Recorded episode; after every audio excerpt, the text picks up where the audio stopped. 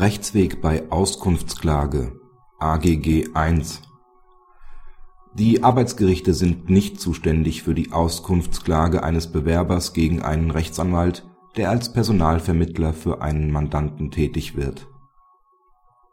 Ein Rechtsanwalt schaltet im Namen eines Mandanten in einer überregionalen Tageszeitung eine Stellenanzeige, die unter anderem die Angabe enthält „ Alter bis 35 Jahre “Nähere Angaben zu dem Auftraggeber des Rechtsanwalts enthält die Stellenanzeige nicht. Ein 55-jähriger Arbeitnehmer bewirbt sich vergeblich auf die Stelle. Zur Vorbereitung einer Entschädigungsklage wegen Altersdiskriminierung verlangt er von dem Rechtsanwalt Auskunft über die Identität des potenziellen Arbeitgebers.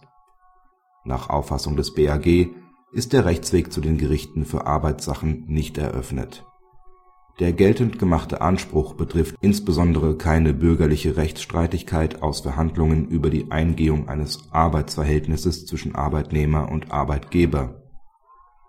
Das Gesetz begründet zwar eine Zuständigkeit der Arbeitsgerichte auch für Rechtsstreitigkeiten potentieller Arbeitsvertragsparteien vor Abschluss des Vertrags, dazu sind auch Ansprüche auf Schadensersatz oder Entschädigung nach § 15 AGG zu rechnen Voraussetzung ist allerdings, dass die arbeitsvertragliche Beziehung zwischen den Klageparteien selbst begründet werden soll. Das ist vorliegend nicht der Fall, denn der Arbeitnehmer begehrt nicht den Abschluss eines Arbeitsvertrags mit dem Stellenvermittler, sondern mit dessen Auftraggeber. Es liegt auch nicht der Fall einer Zusammenhangsklage nach § 2 Absatz 3 Arbeitsgerichtsgesetz vor, da zwischen den Parteien keine weitere Rechtsstreitigkeit der in § 2 Absatz 1 und 2 Arbeitsgerichtsgesetz bezeichneten Art anhängig ist. Eine analoge Anwendung der Vorschrift auf den vorliegenden Fall scheidet aus. Auch aus den Vorschriften des AGG selbst lässt sich keine erweiterte Zuständigkeit der Gerichte für Arbeitssachen herleiten. Allein der Umstand, dass die ordentlichen Gerichte gegebenenfalls Vorfragen aus anderen Rechtsgebieten (hier also § 15 AGG) klären müssen wirkt nicht rechtswegbegründend.